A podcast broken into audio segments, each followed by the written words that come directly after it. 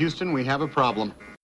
Evet, bu sözler ilk olarak 13 Nisan 1970 günü Apollo 13'te bulunan grubun başı olan James Love tarafından söylendi. Ve bu sözü söylediğinde dünyadan yaklaşık olarak 200 bin mil uzaktaydılar. Şu an bizim de dünya olarak bir problemimiz var ve arayacak bir Houston'umuz yok ne yazık ki. Hani Carl Sagan'ın da deyimiyle şu soluk mavi nokta olan dünya.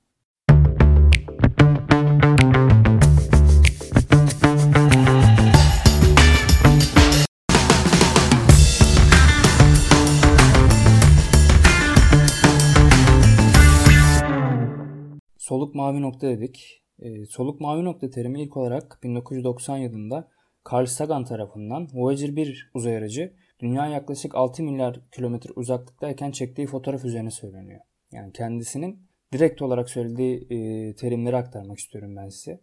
Şu noktaya tekrar bakın. Orası evimiz. Sevdiğiniz ve tanıdığınız, adını duyduğunuz, yaşayan ve ölmüş olan herkes onun üzerinde bulunuyor. Tüm neşemizin ve kederimizin toplamı, binlerce birbirini yalanlayan din, ideoloji ve iktisat öğretisi, insanlık tarihi boyunca yaşayan her avcı ve toplayıcı, her kahraman ve korkak, her medeniyet kurucusu ve yıkıcısı, her kral ve çiftçi, her aşık çift, her anne ve baba, umut dolu çocuk, mucit, kaşif, ahlak hocası, yol siyasetçi, her süperstar, her yüce önder, her aziz ve günahkar onun üzerinde. Bir gün ışığı hüzmesinin üzerinde asılı duran o toz zerresinde. Yani soluk mavi nokta dediğim şey bizim dünyamız. Dünyamız kendi tarihi boyunca aslında o kadar çok e, şey atlatmış ki bu virüs de onlardan biri. Yani bunu da atlatacağız bir şekilde. Yani sonsuza kadar bu virüs devam etmeyecek kesinlikle. Yani sayısız savaş, sayısız ölüm, sayısız kriz görmüş olan bir dünya bizler için de sadece bir istatistik olacak aslında bu zamanlar. Tabii her geçen gün daha modern olan bir toplum haline geldiğimiz için e, etkileri zamanla daha fazla hissediyor olabiliriz. Çünkü modernlik beraberinde daha fazla gereksinim ihtiyacı yarattığı için kimse dışarı çıkamıyor şu an. Gereksinim ihtiyaçlarımız ona göre şekilleniyor. Aslında biz canlı canlı bir e, insan evrimine tanıklık yapıyoruz bence. Mesela dünya 2008 krizinden sonra daha yeni yeni toparlanmaya başlamışken virüs diye bir şey çıktı koronavirüs. Ve bunun da etkisiyle ekonomi aşağı yönlü bir ivmeye geçti. Yani ekonomik dilde bunun adına resesyon deniyor. Bu durumda da devletler ve insanlar hayatta ve ayakta kalabilmek için tıpkı gladyatörlerin kolezyumda yaptığı gibi bir dövüş içine girdik. Yani buradaki en önemli unsur olan bizler e, şu an nereden darbe alacağımızı bilmiyoruz. Yani çünkü virüs gibi gözle görülmeyen mikroskopik bir şeye karşı savaşıyoruz. En azından gladyatörler o arenaya çıktığında e, darbenin nereye geleceklerini az çok tahmin edebiliyorlardı. Yani biz hiç alışık olmadığımız bir arenaya çıktık. Biz savaş alanındayız ve yeni yeni öğrenmeye başlıyoruz bunun kurallarını. Yani mesela şu an çoğu kişi tarafından dünyanın en gelişmiş ülkesi olan e, olarak kabul edilen Amerika bile para basmaya yöneldi. E, Equality Trust tarafından yapılan bir grafik var arkadaşlar. E, 2010 senesinde yapılıyor bu grafik. Avusturya'dan Japonya'ya oradan da Yeni Zelanda'ya kadar 21 ülkeye barındırıyor içinde.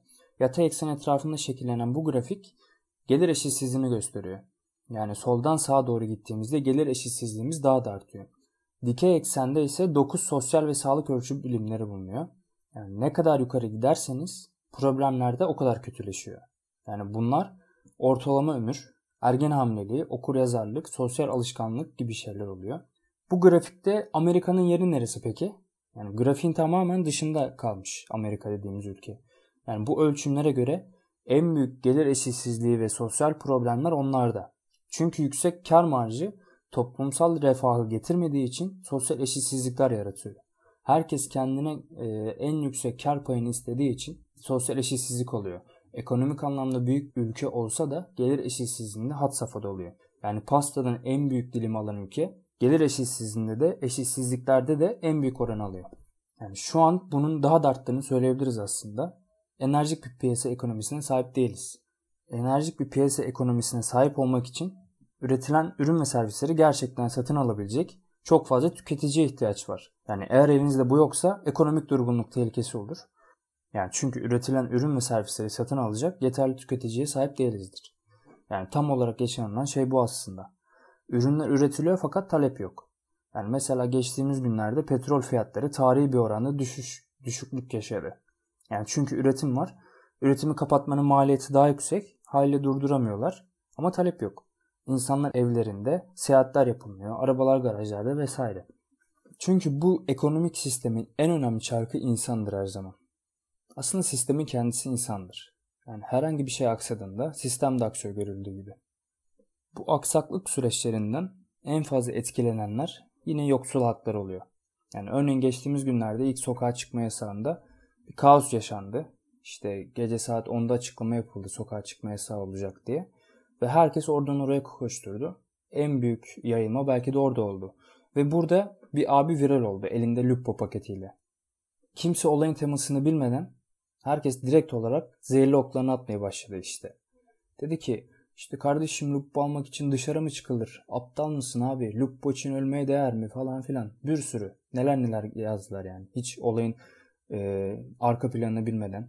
O adam niye Lupo almak için dışarı çıksın? Kimse bunları sorgulamadı. Unuttukları bir şey vardı aslında. Kıtlık zihniyeti. Yani görünen o ki e, insanlar kıtlık olacağını sezdiklerinde farklı davranıyorlar. Yani bu şeyin ne olduğu çok önemli değil.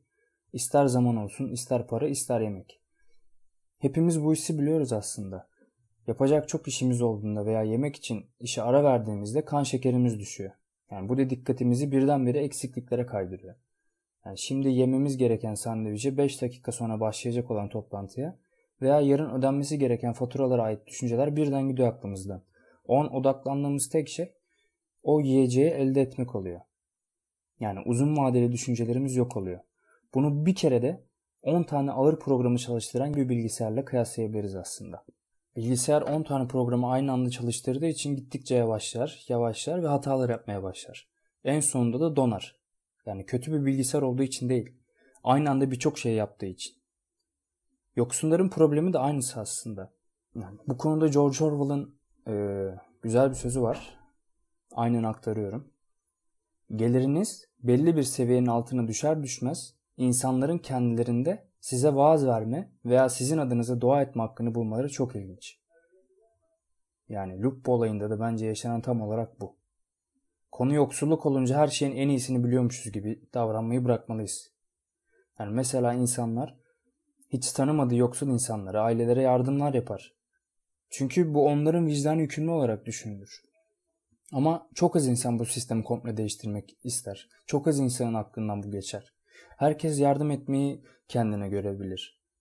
Çünkü ataerkil bürokrat endüstrisi bunu gerektirir. Yani bu endüstriden kurtulmalı ve bu sistemi düzeltmeye çalışmalıyız.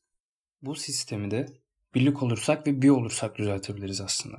Yani birlik ve bir olmanın temeli empati ve iletişime dayanıyor. Çünkü iletişim kuramadığımız bir insanla birlik olamayız. Birbirimizi anlayamayız.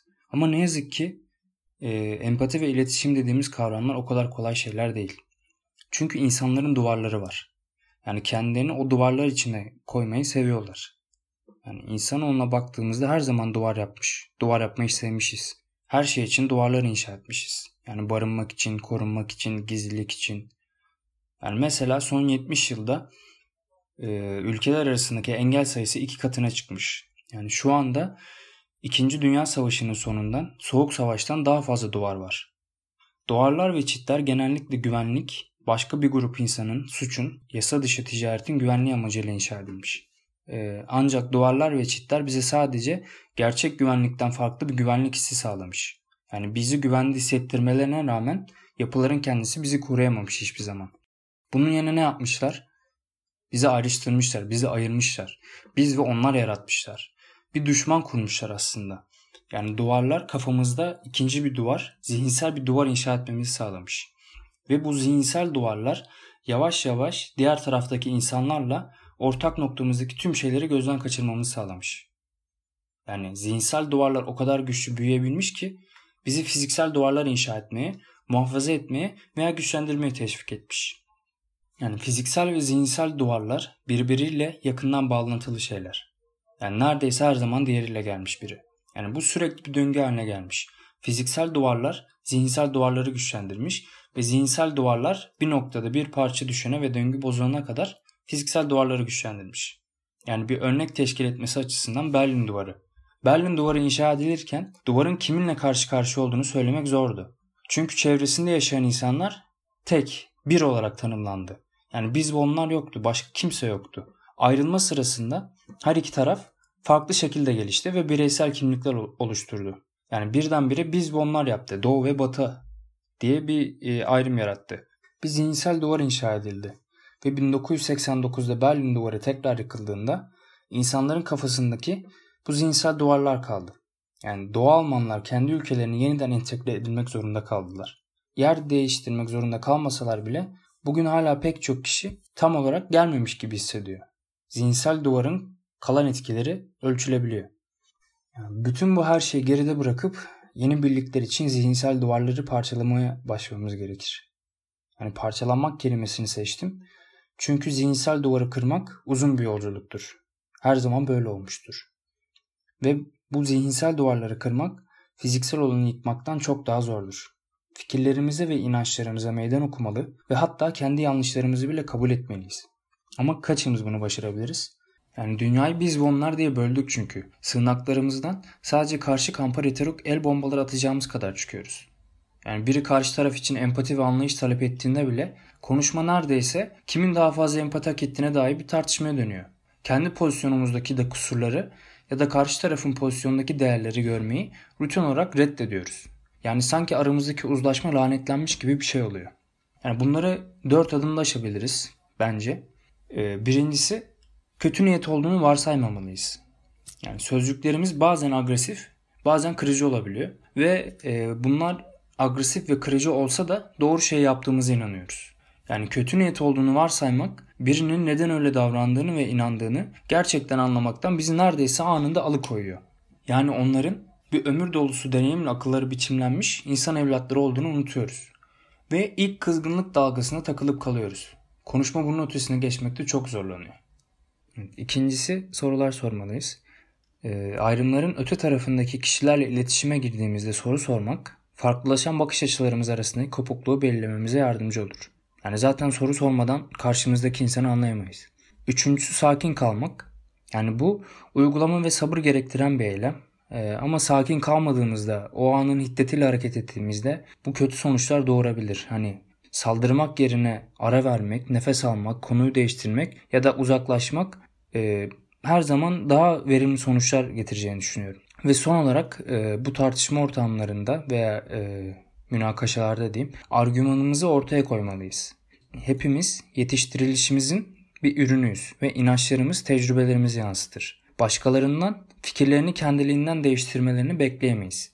Yani değişim istiyorsak gerekçelendirmesini yapmalıyız. Yani mantıksal bir sebep çerçevesine oturtmalıyız. Yani belki de bütün bunları yapmanın en basit yolu herkesin anne gibi düşünmesidir. Yani annelik sadece organik doğum süreci değildir. Dünyanın ihtiyaçlarını anlamaktır. Hani eğer daha bir parlak gelecek istiyorsak şimdi karanlık zamanlarda inşa etmeliyiz.